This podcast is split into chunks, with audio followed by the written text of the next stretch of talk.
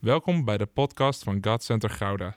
Vanaf deze plek willen we jou inspireren, motiveren en activeren om op een praktische manier je dagelijks leven met God vorm te geven.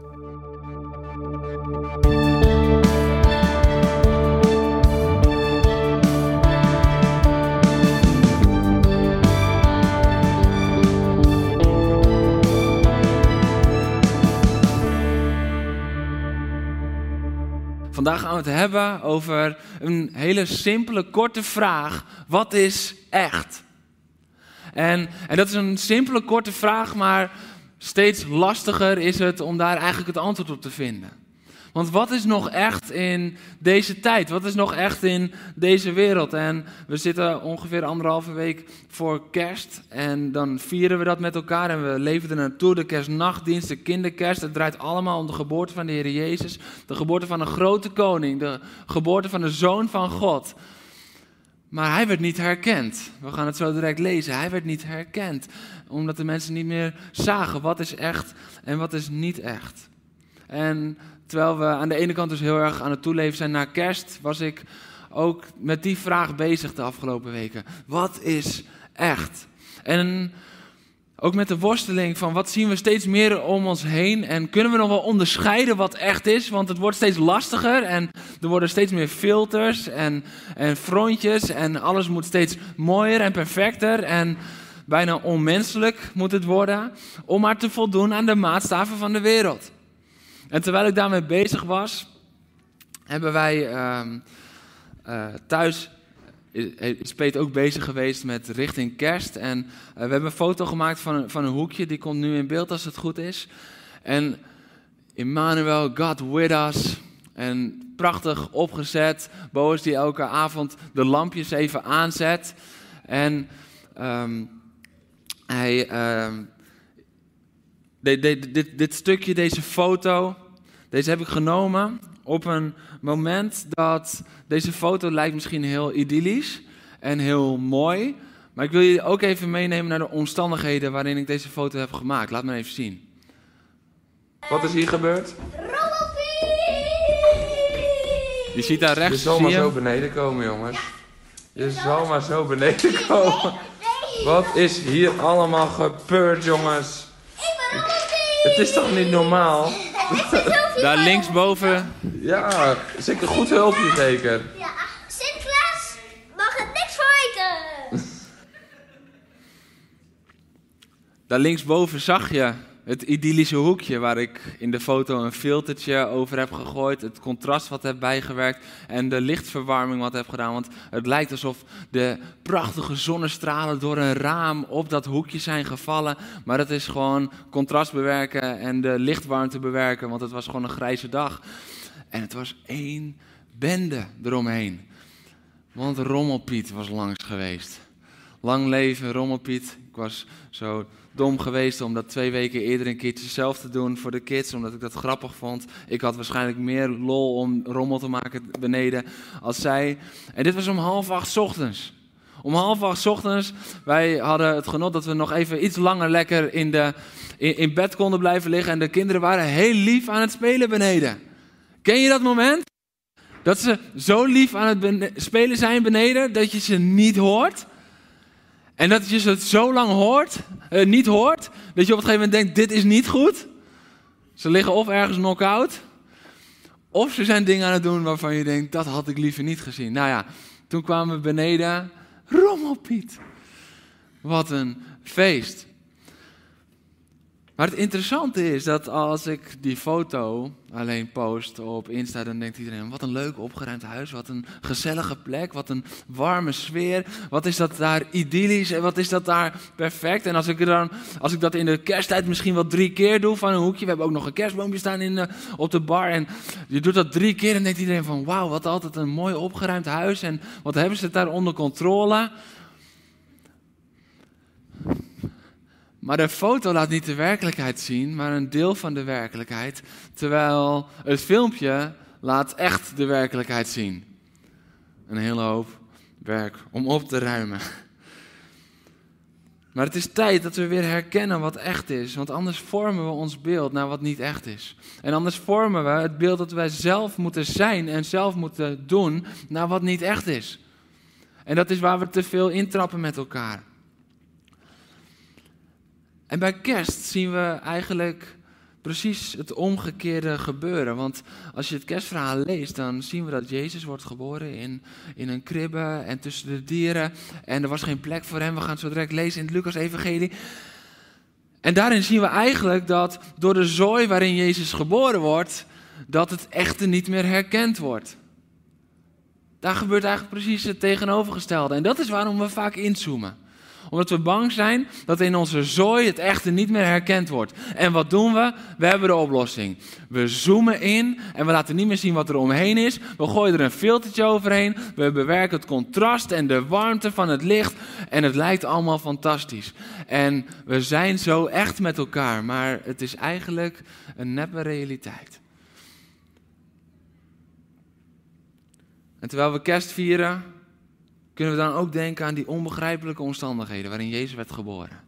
Jezus, de Zoon van God, de Koning der Koningen, wordt geboren tussen de dieren. Hij wordt, wordt gelegd in een kribbe, in een voederbak. En tot, dan wordt hij ook nog eens, het eerste kraambezoek wat hij krijgt is van herders. De Koning der Koningen, moet je nagaan hè. De Koning der Koningen en de eerste die op bezoek komen, dat zijn herders. En ik neem even mee in de tijd en de hiërarchie van die tijd. Koning staat daar en herder staat daar nog ergens onder mijn voet zo ongeveer. Want de herders stonden het laagste aan de ladder. Dit is de realiteit van Jezus, de koning der koningen die geboren wordt. Hij is echt, maar wordt hij nog herkend? Nee, hij wordt niet herkend, want er staat dat er geen plaats was voor Jezus en dat is puur omdat hij niet herkend wordt. Omdat hij niet voldeed aan de gefilterde, geïdealiseerde verwachtingspatronen van de mensen. Dit is waarom Jezus niet herkend werd. Hij voldeed niet aan dat verwachtingspatroon. Er was een messiasverwachting hè, in het volk Israël. Maar ze herkenden hem niet. Denk je daadwerkelijk dat als de herbergier Jezus had herkend, denk je dat hij dan in de voederbak terecht was gekomen? Als de herbergier Jezus had herkend als de koning der koningen die zou komen, als de lang verwachte Messias, dan had hij desnoods, als alles vol was, had hij of een aantal andere, had hij zijn herberg uitgestuurd, of desnoods had hij zijn eigen bed, had hij beschikbaar gesteld. Dit is wat er was gebeurd als Jezus wel was herkend, maar hij werd niet herkend. Elke herbergier had desnoods zijn eigen bed beschikbaar gemaakt. Maar waar we niet herkennen wie of wat we voor ons hebben, waarderen we ook niet langer wat echt is. En terwijl ik hiermee bezig was, dacht ik, zouden wij vandaag de dag Jezus hebben herkend? Als hij vandaag was geboren in plaats van 2000 jaar geleden, zouden we hem hebben herkend. En natuurlijk roepen we, tuurlijk Jeroen, tuurlijk herkennen we hem. We hebben de Bijbel en, en ik ben elke dag met hem bezig en tuurlijk herken ik Jezus. Hij woont in mij, tuurlijk herken ik hem. Maar laat me je meenemen in de realiteit van die tijd. De schriftgeleerden waren al jaren, al eeuwen bezig met het bestuderen van de schrift. Waarin alle profetieën over hij die komen zal stonden. Het stond helemaal uitgeschreven hoe die zou komen. Maar toch herkenden ze hem niet. Omdat hij anders kwam dan het verwachtingspatroon. Omdat hij anders kwam als dat ze zelf in gedachten hadden. En de mensen hadden zo'n andere verwachting van de koning der koningen, dat toen de koning der koningen werd geboren, toen de Messias voor hun neus stond, dat ze hem niet meer herkenden in hoe hij echt kwam. Hoe hij echt was. En dat is iets wat er vandaag de dag speelt, meer dan ooit. Wat is echt en wat is nep? Kunnen we het nog onderscheiden? Ik was vorige week twee weken geleden was ik in gesprek met, met iemand uh, uit de gemeente. En eigenlijk was dat een van de triggers om, om hem deze zondag te pakken, dit onderwerp. En diegene die, die, die gaf gewoon eerlijk aan. We hadden een mooi en open en eerlijk gesprek. Ik vond het mooi. En die gaf eerlijk aan van ja, ik vind het gewoon best wel lastig om de livestream te kijken elke zondag. Zijn er meer die dat lastig vinden om zondag de livestream te kijken? In de zaal gaan een paar eerlijke handen omhoog. Sommigen zijn er elke week hier om van alles te doen, dus die hebben daar geen last van. Misschien zit je thuis en denk je ook van ja, ik vind het lastig om me op te laden, om iedere keer die livestream te kijken. Het is toch zo anders. En, en hij zei ook van ja, aan de ene kant is het omdat ik mis het samen zijn met elkaar. Maar aan de andere kant is het ook gewoon heel erg simpel. Dat op het moment dat ik Elevation Worship video's aanzet, dan klinkt het gewoon iets anders dan dat het dat het bij de livestream klinkt. En op het moment dat ik een preek van Mike Todd of uh, wie dan ook in Amerika aanzet, dan klinkt het ook weer anders als jouw preken. En hij was daar gewoon heel eerlijk over. En terwijl we daarin in gesprek waren, ging mijn hoofd ratelen. En begon ik te denken van ja, dit is logisch, maar tegelijkertijd is het ook gewoon zo'n probleem van deze tijd. Want alles is veilig op afstand beschikbaar. Maar omdat we niet meer in het oog houden van wat, wat gewoon echt is en wat ook gewoon geregisseerd is, wat rechtgetrokken is. Weet je, ik was laatst was ik even kort iets aan het inzingen bij Semia voor kerstnacht. En toen liet hij me zien hoe die mensen heel zuiver laat zingen. Dat is niet door het opnieuw te laten inzingen. Dat is gewoon een heel leuk speeltje op de computer. hey, toontje hoger, oh, naar beneden, oh, omhoog.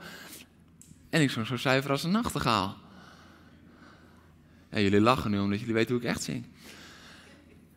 Maar zo simpel is het.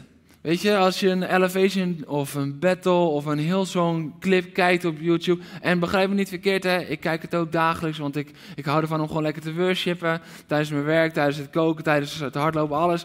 Dus ik doe het zelf ook. Maar het kan soms ervoor zorgen dat we uit beeld verliezen wat echt is en wat niet meer helemaal echt is. En daar komt een probleem om de hoek kijken, want dan gaan we niet meer waarderen dat wat daadwerkelijk wel echt is. Want die clips die zijn geregisseerd en die zijn rechtgetrokken. En er zijn koortjes later ingezongen die je niet ziet op het podium op dat moment, maar die er wel achter uh, zijn geplakt. En dan klinkt het nog voller en nog mooier. Noem maar op. En het komt zo prachtig over en zo, zo, zo intens over. En je denkt van ja, dit is de werkelijkheid. Zo zou het altijd moeten zijn.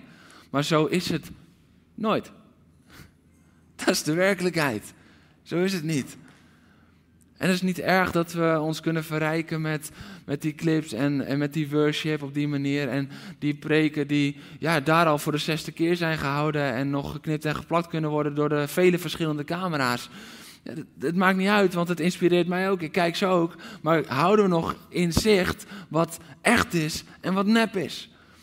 Want dat is wel het gevaar door ons de hele tijd te omringen met dingen die niet echt zijn. Gaan we de dingen die wel echt zijn, gaan we niet meer waarderen. Die schuiven we aan de kant van ja, ja, weet je, dat is niet helemaal, ja, niet helemaal meer de kwaliteit die ik zoek. Of noem maar op. Weet je, ik heb een keertje de schrik van mijn leven gehad. Ik zat altijd op de eerste rij in Gods en te leiden. Totdat onze oudste werd geboren. En toen met de kinderwagen op de eerste rij was niet zo handig. Dus toen gingen we een tijdje naar achter. En ik dacht altijd, de hele kerk is vurig. Dat, is mijn, dat was mijn echt. De hele kerk is vurig. Dat is wat ik in mijn hoofd had. Totdat ik op de achterste rij zat met mijn baby. En ik zag niet de jeugd op zijn telefoontje en spelletje spelen, maar ik zag het de volwassenen doen. Geen halleluja. Amen. En ik zag mensen verveeld zitten. En ik zag mensen zo, met, tijdens de worship zo van, ja, is het al afgelopen? Mensen op een horloge kijken. Terwijl ik dacht van, hey man, ik ben altijd het, elk besef van tijd ben ik kwijt. ga je vandaag merken in de boodschap, want ik heb veel te brengen vandaag. Ik ben het besef van tijd kwijt. Maar mijn werkelijkheid werd even verplaatst naar hoe het echt was. En, en als we dan de, de, de boodschap zien op YouTube van veraf, dan kunnen we denken van ja, daar zijn ze altijd zo vurig. Maar ja, dat zijn wel de juiste mensen die op het juiste moment in beeld worden gebracht. En dat is goed, want het, het enthousiasmeert ons en het wekt ons op en het vuurt ons aan. Maar hou de werkelijkheid voor ogen. Wat is echt? Want als we te veel bezig zijn met wat niet echt is en we zien niet meer wat wel echt is, en we hebben dat onderscheidingsvermogen niet meer, dan gaan we niet meer waarderen wat daadwerkelijk wel echt is. En dat is een groot gevaar. Dat is een heel groot gevaar. onderscheiden we dat nog? Natuurlijk, soms plaatsen we in een opwelling een foto op Instagram en dan zetten we hashtag no filter. Doen we een keertje geen filter. Wat we vergeten is dat de 28 foto's daarna wel weer een filter hebben. En dan denken we in een opwelling even over, nee, maar dit mag echt zijn. Maar tegelijkertijd zijn we zo vaak onder de indruk van de foto's van anderen en de filmpjes van anderen en de realiteit van anderen. Maar we vergeten dat dat een gefilterde blik is. We vergeten dat dat is wat anderen laten zien van zichzelf en niet alles is van zichzelf. En het is gevaarlijk als we onder de indruk zijn van het ingezoomde beeld met filter. En dat we dan daardoor ervan uitgaan dat de rest ook zo perfect is. Als ik alleen die foto had laten zien, dan hadden jullie gedacht van nou, dat huis, dat zal zo gezellig zijn. Nou, het was ook heel gezellig, maar het was een, het was een bende. Maar dat is het gefilterde en, ingezoomde stukje van wat je laat zien. En als we dat iedere keer zien, en we zien fragmenten, en op basis daarvan baseren we van ja, dat leven van hem, dat zal helemaal fantastisch zijn. Weet je, sorry moeders, maar uh, je, je, ziet vaak moeders en die, die, die posten dan alleen de, de gelukkigste momenten met hun kinderen. Dus als hun kind uh, een dikke knuffel komt geven, of als hun kind een diplomaatje heeft gehaald, of als hun kind helpt met de vaatwasser, de eerste keer in acht jaar. Um, en als een kind, als een kind. Maar het gedeelte wat je vaak niet ziet op, op Insta, is het kind dat acht keer op de gang heeft gezeten, omdat het de moeder zes keer heeft geslagen en drie keer de vla heeft omgegooid, voordat het ging helpen bij de vaatwasser. Dat zien we niet. Ik heb moeders nog nooit een foto zien posten, zo om het hoekje van de deur. Hij zit weer op de gang. Nee, dat doen we niet. Maar we denken, ja, maar dit is de werkelijkheid. Die kinderen, die zijn zo fantastisch. Ik hoor het heel erg vaak. Mensen hebben soms ook dat beeld van onze kinderen, dat die bijna niks fout doen. Nou, ik zal je uit de droom helpen. Soms is het ook dat je denkt van, oh man, hoe moet ik dit doen? Dat is echt. Natuurlijk zijn er mooie momenten om te vieren, maar laten we wel in oog houden wat echt is. Wat wel echt is. Want zoals we het beleven, dat zorgt er ook zo vaak voor dat we ons tekort voelen schieten. Ken je dat gevoel? Als je echt wil zijn, mag je het in de live chat zetten. Ja, ik herken dat gevoel als dat voor jou is. Open zijn met elkaar. Dat je tekort schiet als vader, als moeder, als spreker. Persoonlijk voor mij. Als discipel van Jezus, als kind van God, dat we ons zo vaak tekort voelen schieten, omdat we een beeld hebben van, wow, maar diegene, maar wat is echt? En zo werkt het dus ook door in ons leven met God. Want onze verwachting kan zelfs in de weg staan om de echte weg van God te zien. Zoals de verwachting van de komst van de Messias in de weg stond om de echte Jezus te zien. Want dat is de realiteit in de tijd van de geboorte van Jezus. We weten niet meer wat echt en wat nep is. En dat gebeurde ook toen Jezus geboren werd. Ik wil met elkaar lezen Lucas 2, van vers 1 tot en met 7. Ik wil vragen of we willen opstaan voor het woord van God. Als je hier voor het eerst bent, we staan op als we lezen het woord van God. Lucas 2, vers 1 tot en met 7. In die tijd kondigde keizer Augustus een decreet af dat alle inwoners van het Rijk zich moesten laten inschrijven.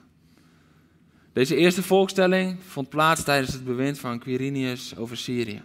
Iedereen ging op weg om zich te laten inschrijven. Ieder kwam naar de plaats waar hij vandaan kwam. Jozef ging naar de stad Nazareth in Galilea naar Judea, naar de stad van David die Bethlehem heette. Aangezien hij van David afstamde om zich in te laten schrijven samen met Maria, zijn aanstaande vrouw die zwanger was. Terwijl ze daar kwamen, brak de dag van haar bevalling aan. En ze bracht een zoon ter wereld, haar eerstgeborene. Ze wikkelde hem in een doek, legde hem in de voederbak, omdat er voor hem geen plaats was in het nachtverblijf in de herberg van de stad. Je mag weer lekker gaan zitten. Er was geen plaats voor hem.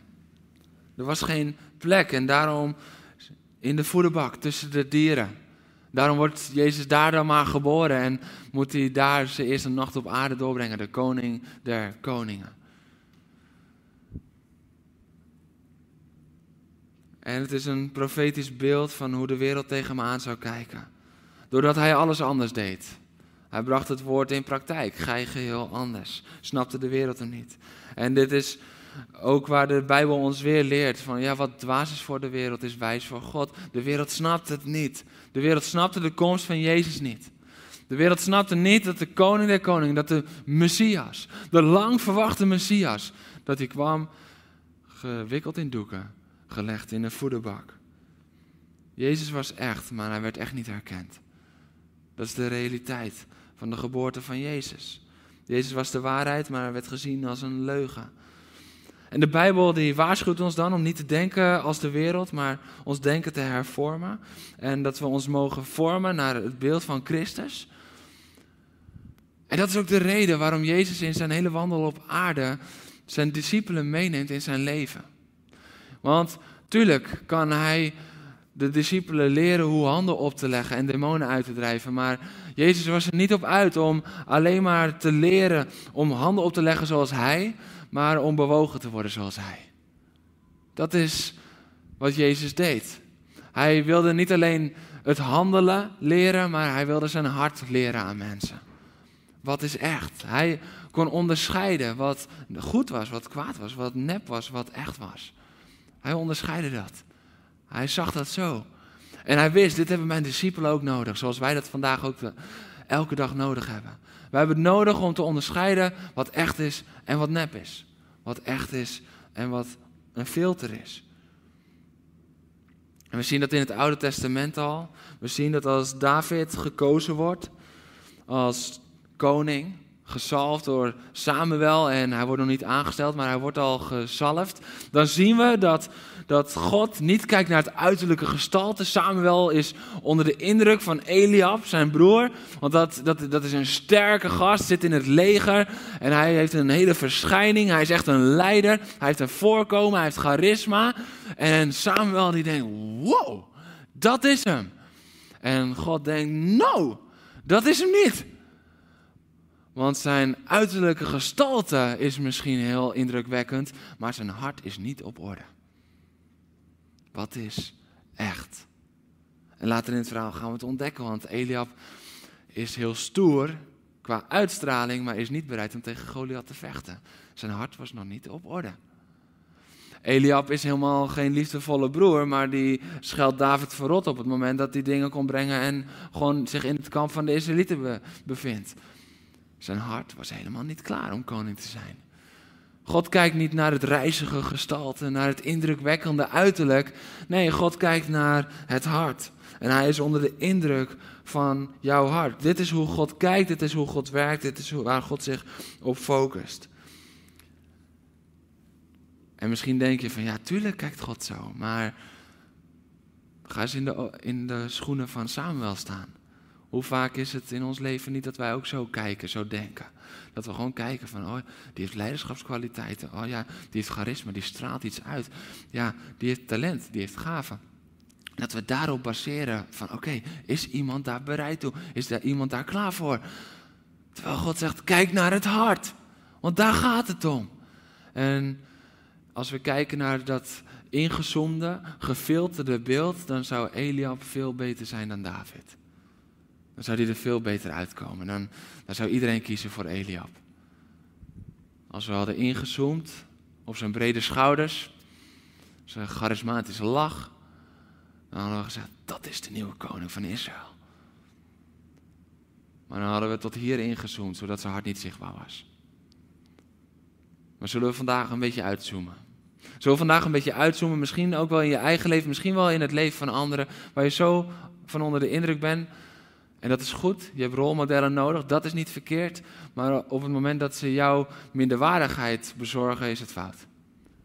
Dan is het tijd om uit te zoomen. En overigens, rolmodellen ontstaan alleen als je het uitgezoomde plaatje mag zien. Als je dan nog steeds onder de indruk bent, dan is iemand een rolmodel. Eliab was ingezoomd, was hij een perfect rolmodel. Maar zodra we uitzoomen, zien we zijn hart en denken hmm, beter ben ik David. Ik heb nog nooit iemand horen zeggen, was ik maar eens Eliab. Nog nooit iemand horen zeggen. Maar David is een voorbeeld. David is waar we op willen lijken. David is waar we enthousiast over raken. En dit is wat God ook persoonlijk tegen me zei. We zijn nu ruim twee jaar bezig als kerk en je zit in zo'n opstartfase en het is ook een fase waarin het zoeken is naar de juiste mensen om je heen. En waarin God me iedere keer zei: Jeroen, raak niet onder de indruk van gaven of talenten of voorkomen of vlotte praatjes, maar kijk naar het hart. Kijk naar dat hart. Want als je dat gefilterde stukje pakt en op basis daarvan mensen aanstelt en een positie geeft, dan gaat het voor onrust zorgen, gaat het voor problemen zorgen, gaat het voor pijn zorgen zelfs in de gemeente. Maar kijk naar het hart.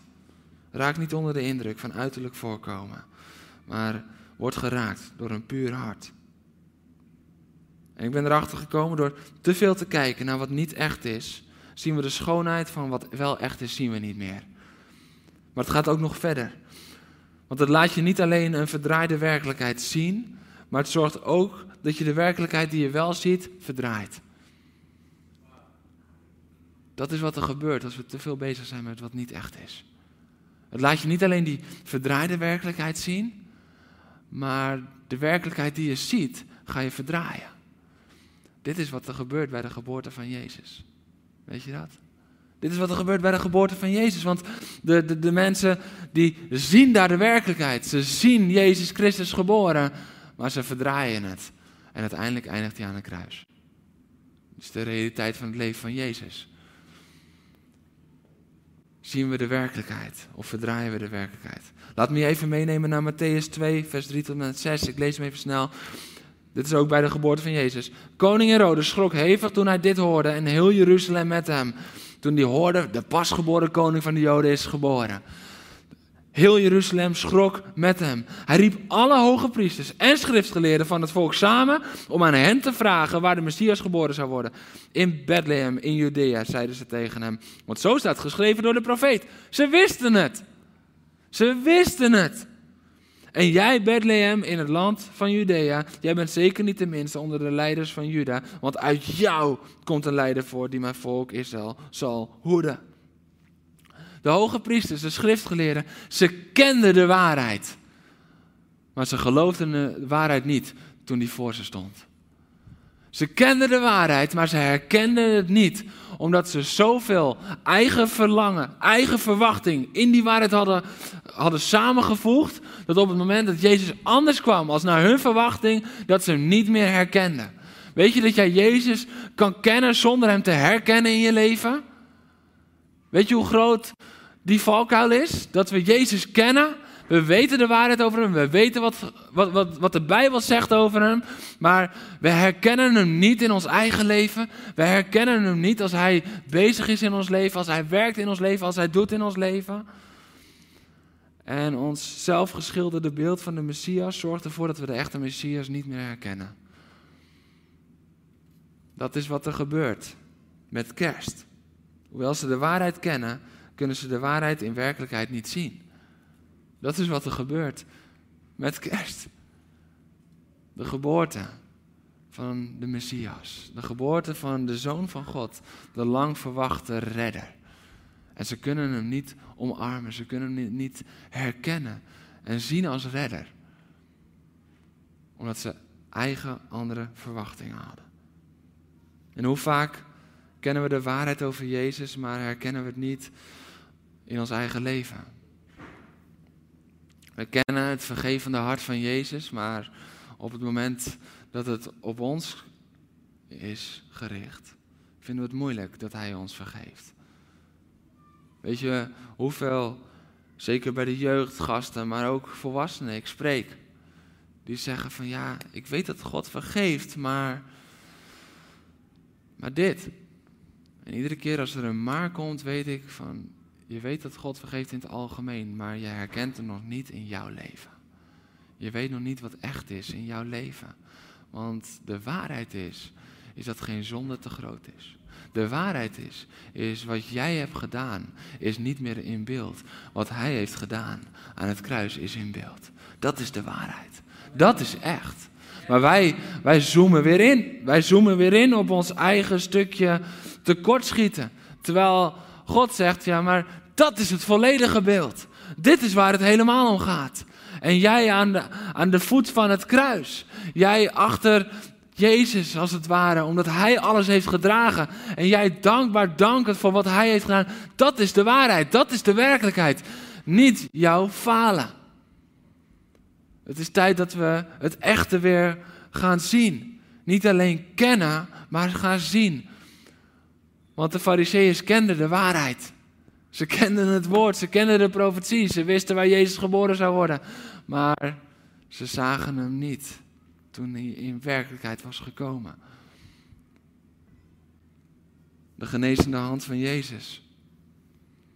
We kennen de waarheid, we kennen de genezende hand van Jezus vanuit het woord en we weten dat hij het doet en, en we geloven dat hij het vandaag de dag nog steeds doet, maar is het echt voor jou?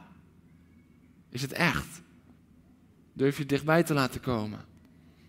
Vaak kennen we de waarheid over de Heilige Geest, maar herkennen we zijn werk niet. En dan gaan we structuren inbouwen eh, om de spontane werking te blussen. En dat is niet omdat we niet naar hem verlangen, maar omdat we bang zijn voor het onbekende. Wat is echt? Durven we het echte toe te laten? Hoe reageren we als de vervulling van de belofte van God er anders uitziet, als dat we zelf hadden gehoopt of verwacht? En dat is het stuk onderscheiden. Leren onderscheiden wat echt is en wat niet echt is. Maar de Bijbel gaat verder. Want het gaat God niet alleen om onderscheiden wij wat echt is of wat niet echt is. Maar ook, ben jij echt? Dat is de verdiepende vraag. Ben jij echt? Waren afgelopen maandag waren we opnames aan het maken voor, uh, voor kerstavond. Het wordt echt een super toffe dienst met heel veel interactie, met verschillende mensen in beeld en, en uh, schakelen tussen live en opgenomen zaken. En we moesten s'avonds opnemen en het was koud. Het was koud. Man, echt waar, het was heel koud. Ik wil gewoon even het statement maken, het was koud. Het was echt koud. Wat is echt? Echt koud was het. Het was echt, echt, echt, echt, echt koud. Nou ja, in ieder geval, het was dus koud. En op een gegeven moment hadden we even een break. En in die break keken we even wat beelden terug of de setting goed was en alles. En het eerste wat me opviel was mijn rode neus. Het is geen moment om yes te roepen. Jawel, het is wel een moment om yes te roepen. Want het was koud. En ik had iedere keer zo lang mogelijk een jas aan en een mondkapje op om een beetje warm te blijven. Maar op het gegeven moment moet het toch uit en moest ik opnemen en in die camera kijken. En ik keek. En weet je wat het eerste was wat er gebeurde in mijn hoofd? Daar kunnen we een mooi filtertje over doen. Dat was het eerste wat er gebeurde. Wat is echt? Ik wil vandaag echt zijn met elkaar. Dat was het eerste wat gebeurde in mijn hoofd. En als ik eraan terug denk, dan word ik daar heel verdrietig van. Ik wil gewoon eerlijk met je zijn. Hoe echt zijn we? Ja, het was koud en daar krijg ik een rode neus van. Mag dat er zijn? Of is het eerste wat ik denk?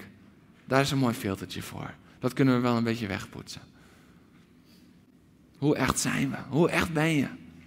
Of is je eerste reactie, het eerste wat er in je opkomt, oké, daar kunnen we wat aan doen.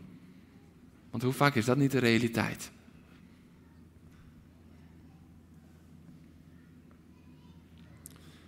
Ik heb deze vraag opgeschreven voor mezelf. Waarin verschilt de kerk van de wereld als we niet echt durven te zijn? Waarin verschillen we?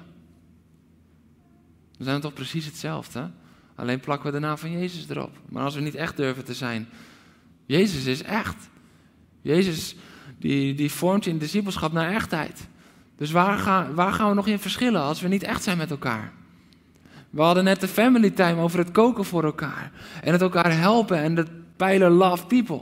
Ik blijf me erover verbazen dat 90% van de mensen staat klaar om de ander te helpen. Maar 90% van de mensen die hulp nodig hebben, komt niet opdagen om dat te vragen. Dat is een probleem. Geloof me, in deze gemeente is het probleem echt niet de mensen die klaarstaan om elkaar te helpen. We hebben het probleem dat we niet echt durven zijn en het niet durven te vragen. Dat we niet durven te zeggen als we een rotdag hebben, als we het eh, door een zware tijd gaan. Weet je, ik had de afgelopen twee dagen had ik gewoon twee rotdagen. Ik kreeg een vieze tegenvallen te verwerken. Met mijn schoonmoeder is gewoon spannend omdat ze ziek is. We hadden gewoon twee rotdagen thuis. Zo, dat is eruit. Laten we echt zijn met elkaar. Weet je? En ik ben vol vreugde over God. Maar ik ben soms verdrietig in mijn ziel. Dat is echt. Dat is echt hoe ik me voel. Laten we echt zijn met elkaar. Want als wij niet echt zijn, wat verschillen we van de wereld? En als wij niet echt zijn, als de kerk niet echt is, wat straalt de kerk nog uit? Want we dienen de echte Heer. En echt en nep gaan niet samen. Echt en nep gaan niet samen. En als je echt op Jezus wil lijken, dan ga je echt worden. Als je echt op Jezus wil lijken, dan ga je een open boek worden. Als je echt op Jezus wil lijken, dan ga je je tranen gewoon de vrije loop laten gaan. Weet je, soms lijkt de kerk lijkt meer op een gemaskerd bal als op een veilige familie. Want achter op een gemaskerd bal kan je en een beetje anoniem en dan ziet het er allemaal fantastisch uit, gefilterd uit. Strak in pak, fantastisch, mooiste jurk aan, maskertje op, je ziet die puis niet meer op je neus. Gemaskerd bal. Je ziet de traan van eenzaamheid niet, omdat je je eigenlijk heel erg eenzaam voelt achter je masker, terwijl je een beetje lacht. Want je lach zie je nog achter je masker vandaan, maar de tranen in je ogen zie je niet. Ben je echt? De kerk is geen plek voor een gemaskerd bal. De kerk is een plek voor veilige familie. Veilige familie zijn met elkaar.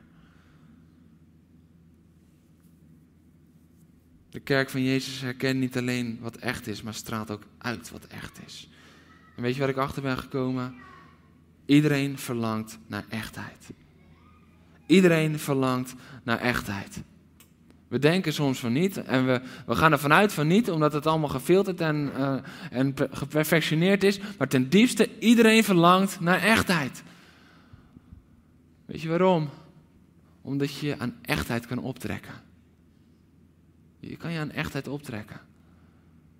Jij kan je niet aan een of andere influencer optrekken die alleen maar de post doet eh, die hij zelf wil of die zij zelf wil. Daar kan je niet aan optrekken.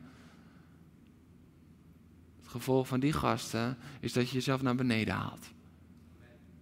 Maar echt, echte mensen, echte discipelen, echte mensen die gewoon open zijn, daar kan je aan optrekken. Weet je waarom? Omdat er geen verborgen agenda achter ligt. Omdat er geen geheimen achter zitten. Maar omdat je ook de kwetsbaarheid gewoon mag zien van het dagelijks leven. De kwetsbaarheid van echtheid. En die kwetsbaarheid van echtheid is ten diepste de schoonheid van echtheid. De kwetsbaarheid van echtheid is ten diepste de schoonheid van echtheid. En dat vergeten we.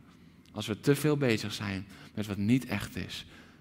Te veel bezig zijn met wat nep is. En ik wil je vragen, mogen we jouw ongefilterde gezicht zien? Mogen wij jouw ongefilterde tranen zien? Mogen wij jouw schaamteloze zelf zien? Gewoon je schaamteloze zelf, wees jezelf. Want we houden zoveel van jou. We houden niet van je masker, we houden van jou. Mensen houden niet van jouw masker, hè? Dat denk jij. Je denkt dat mensen van je masker houden. Maar mensen die van jouw masker lijken te houden, houden niet van jou. Want mensen die echt van jou houden, trekken het masker van je hoofd. Dat is de waarheid. Dat is echt. Gaan we voor echt of nep? Ik wil afsluiten met een stukje. Dit is, ik denk inmiddels echt al, ik denk dat ik 14 was. Zo, 16 jaar geleden. Meer dan de helft geleden van mijn leven. Ik was 14 en ik zat net in een band. En uh, ik, ik, ik, uh, ik, zong.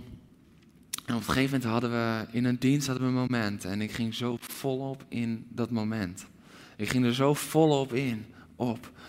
Dat ik gooide er een uithaal uit. Jongens, dat was vals. Oh, mijn gunst. Dat was helemaal ernaast. Gewoon echt zo dat je denkt van, is dat zo'n lachfilmpje van Idols of zo? Ik zat er helemaal naast en helemaal vals. En ik denk dat ik rood ben geworden. En nou ja, daarna gezicht in de plooi doorgezongen. En na de dienst kwam er een vrouw naar me toe. En die zei, wat heb ik van jou genoten? En ik keek eraan en ik zeg lachend, ja, ik heb ook genoten. Het was jammer van die ene uithaal. Maar het was een mooie dienst. Dat is een beetje het vrome, weet je wel. Ik weet me niet zo goed een houding te geven. Ehm, en ze, zei, ze keek me aan en ze zei, nee, die uithaal, die raakte mij. Ik dacht, heeft die vrouw gehoorsbeschadiging of wat, wat is het? Ik zeg, sorry, maar ik zat er echt helemaal naast. Ze zei, ja. En daar won jouw passie van jouw streven naar kwaliteit. En toen dacht ik, wow. Dat is wat echtheid doet. Echtheid hoeft niet altijd perfect te zijn. Echtheid raakt. De ongefilterde versie raakt. Want als ik een filter had kunnen kiezen, dan had ik hem eruit gefilterd, die uithaal. Want dan had ik gedacht, oh man, daar faalde ik. Daar zat ik ernaast. Dat was mijn beleving. Maar echtheid breekt door. Echtheid doet meer. God kijkt niet naar de kwaliteit van je daad, maar naar de staat van je hart. En de kerk hoort niet te kijken naar de kwaliteit van je daad, maar naar de staat van je hart. Wij willen kijken naar de staat van jouw hart. En ik wil je bemoedigen om naar de staat van een anders hart te kijken, niet naar de kwaliteit van de daden. En de vraag vandaag is: hoe echt ben jij? Hoe echt ben jij? Laat me je dit zeggen. Jezus begint onherkenbaar, we hebben het net gelezen. Hij begon onherkenbaar, er was geen plek voor hem. Ze snapten niet, ja, hij wordt geboren daar, maar ze snapten niet hoe hij kwam. Jezus begon onherkenbaar. Dat kwam niet goed, menselijk gezien. Jezus eindigde ook onherkenbaar. Jezus eindigde onherkenbaar. Ze nagelden hem aan een kruis. Ze nagelden aan een kruis en het volk die riep, kruisig hem, kruisig hem. Wie roept het tot zijn redder, kruisig hem. Hij was totaal onherkenbaar op dat moment, maar hij was echt. En hij was de waarheid. Maar omdat hij echt was en de waarheid was, herkenden ze hem niet. Jezus voldoet niet aan onze verwachtingen, maar in zijn onherkenbaarheid overtreft hij elke verwachting. Dat is wie Jezus is. En Jezus stierf voor de ogen van de wereld als een grote loser. Maar in de ogen van de hemel als grote overwinnaar. Dit is Jezus. Dit is Jezus. Hij ging aan het kruis. En hij zag er aan het kruis. De Bijbel zegt dat hij er niet eens meer uitzag als een mens. Hij was onherkenbaar geworden. Maar hij was de echte redder. Hij was onherkenbaar geworden. Hij was kapotgeslagen, vernederd, gegezeld. Hij hing tussen misdadigers. Hij was naakt. Hij ging ten schande voor iedereen die het zag. Uit menselijk oogpunt was zijn carrière gefaald. Maar uit hemels oogpunt. Uit hemels oogpunt hing hij daar als onze redder. Uit hemels oogpunt ving hij daar de klappen op als onze geneesheer. Uit hemels oogpunt ging hij die hele weg als onze verlosser. Uit hemels oogpunt stierf hij daar als een lam. Het lam voor ons geslacht. Zodat hij kon opstaan als de leeuw van Juda. Maar weet je wat het probleem is? Mensen verwachten dat hij kwam als een leeuw. Maar hij moest eerst komen als een lam om te worden als een leeuw. Dat is de realiteit. Dat is echt Jezus. De lion en de lamb. We hebben erover gezongen. Hij is een leeuw en het lam. Maar wij verlangen zo vaak naar de leeuw. Jezus de leeuw. Maar Jezus is ook een lam. Zien we wat echt is? Of zoomen we in op Jezus als leeuw en daar houden we ons aan vast? En op het moment dat, dat, dat wij zoomen in op Hem als geneesheer, maar op het moment dat Hij nog niet die genezing heeft gegeven, dan gaan we twijfelen aan wie Hij is en twijfelen aan Zijn echtheid. Terwijl als we uitzoomen, zien we dat Hij niet alleen onze geneesheer is, maar ook onze herder, ook onze trooster. Op het moment dat we Jezus inzoomen en niet meer zien wie Hij echt is, gaan we twijfelen aan Zijn echtheid. Brengt ons aan het wankelen. Zo echt is Hij. De leeuw en het lam. Zo echt is Hij. Hangend aan een kruis, maar tegelijkertijd onze redder. Zo echt is Hij kapot geslagen, tegelijkertijd onze geneesheer. Zo echt is Hij. Hoe echt ben jij? Hoe echt ben jij? Wat is echt? Herkennen we nog wat echt is? Of zijn we door filters in beslag genomen en zien we door de filters de echtheid niet meer? Tegenwoordig is het niet meer, zien we door de boom het bos nog. Nee, maar zien we door de filters de werkelijkheid nog. Wat is echt? Het is tijd dat de kerk opstaat in echtheid. Het is tijd dat discipelen van Jezus opstaan in echtheid. Het is tijd dat we gewoon weer open worden. Dat we weer echt worden. Dat we niet meer achterhouden waar we ons voor schamen. En laten zien wat we willen. Maar dat we laten zien wie we zijn. In al onze echtheid. Want dat is wat Jezus deed. Dat is zoals Jezus leefde. Dat is waarom Jezus niet zegt van oké, weet je wat, ik doe een driedaagse cursus en ik leer ze hoe ze handen moeten opleggen en hoe ze uit moeten gaan. Al die simpele dingen had hij in drie dagen kunnen doen, maar hij ging drie jaar met ze op pad om zijn hart te delen. Zijn hart te tonen. Ze mee te nemen in het leven zoals Jezus. We zijn niet alleen bestemd om te doen zoals Jezus, we zijn bestemd om te leven zoals Jezus. Want dat is wat echt is. Dat is wat echt maakt. En we hebben een echte kerk nodig. De kerk heeft echt Jezus nodig en de kerk heeft echte mensen nodig, want wij zijn de kerk met elkaar. En als we gaan zingen, Spirit Break Out, Break Our Walls Down, dan, dan is mijn gebed dat we ook echt daadwerkelijk die muren van filters wegbreken met elkaar. En ik wil je gewoon uitdagen om het gewoon in de live chat te noemen, om het met elkaar een momentum te pakken. Tiet maar gewoon, oké, Heer, breek mijn muren weg. Breek mijn filters weg. Ook als je in de zaal zit en je voelt je verbonden, je mag gewoon lekker even je telefoon erbij pakken om dat statement te maken. Breek die filters weg. Breek die muren van mij weg. Want het is tijd voor echtheid. Het is tijd dat de kerk weer opstaat in echtheid. Dat is wat de wereld verlangt. Weet je, we gaan richting kerst en we willen dat de wereld bereikt wordt. De wereld wordt niet bereikt met een fake show, maar met echtheid. De, de wereld wil geraakt worden door de echtheid. En hoe kan de wereld geraakt worden door de echtheid van Jezus als we niet bereid zijn om zelf echt te zijn? Er ligt een opdracht voor ons, voor de kerk. Spirit, breakout. Bedankt voor het luisteren naar deze podcast. Volg ons op onze kanalen om verbonden te blijven. Heeft deze aflevering jou geraakt? Deel dan op je socials en tag ons, zodat we samen meer mensen kunnen bereiken.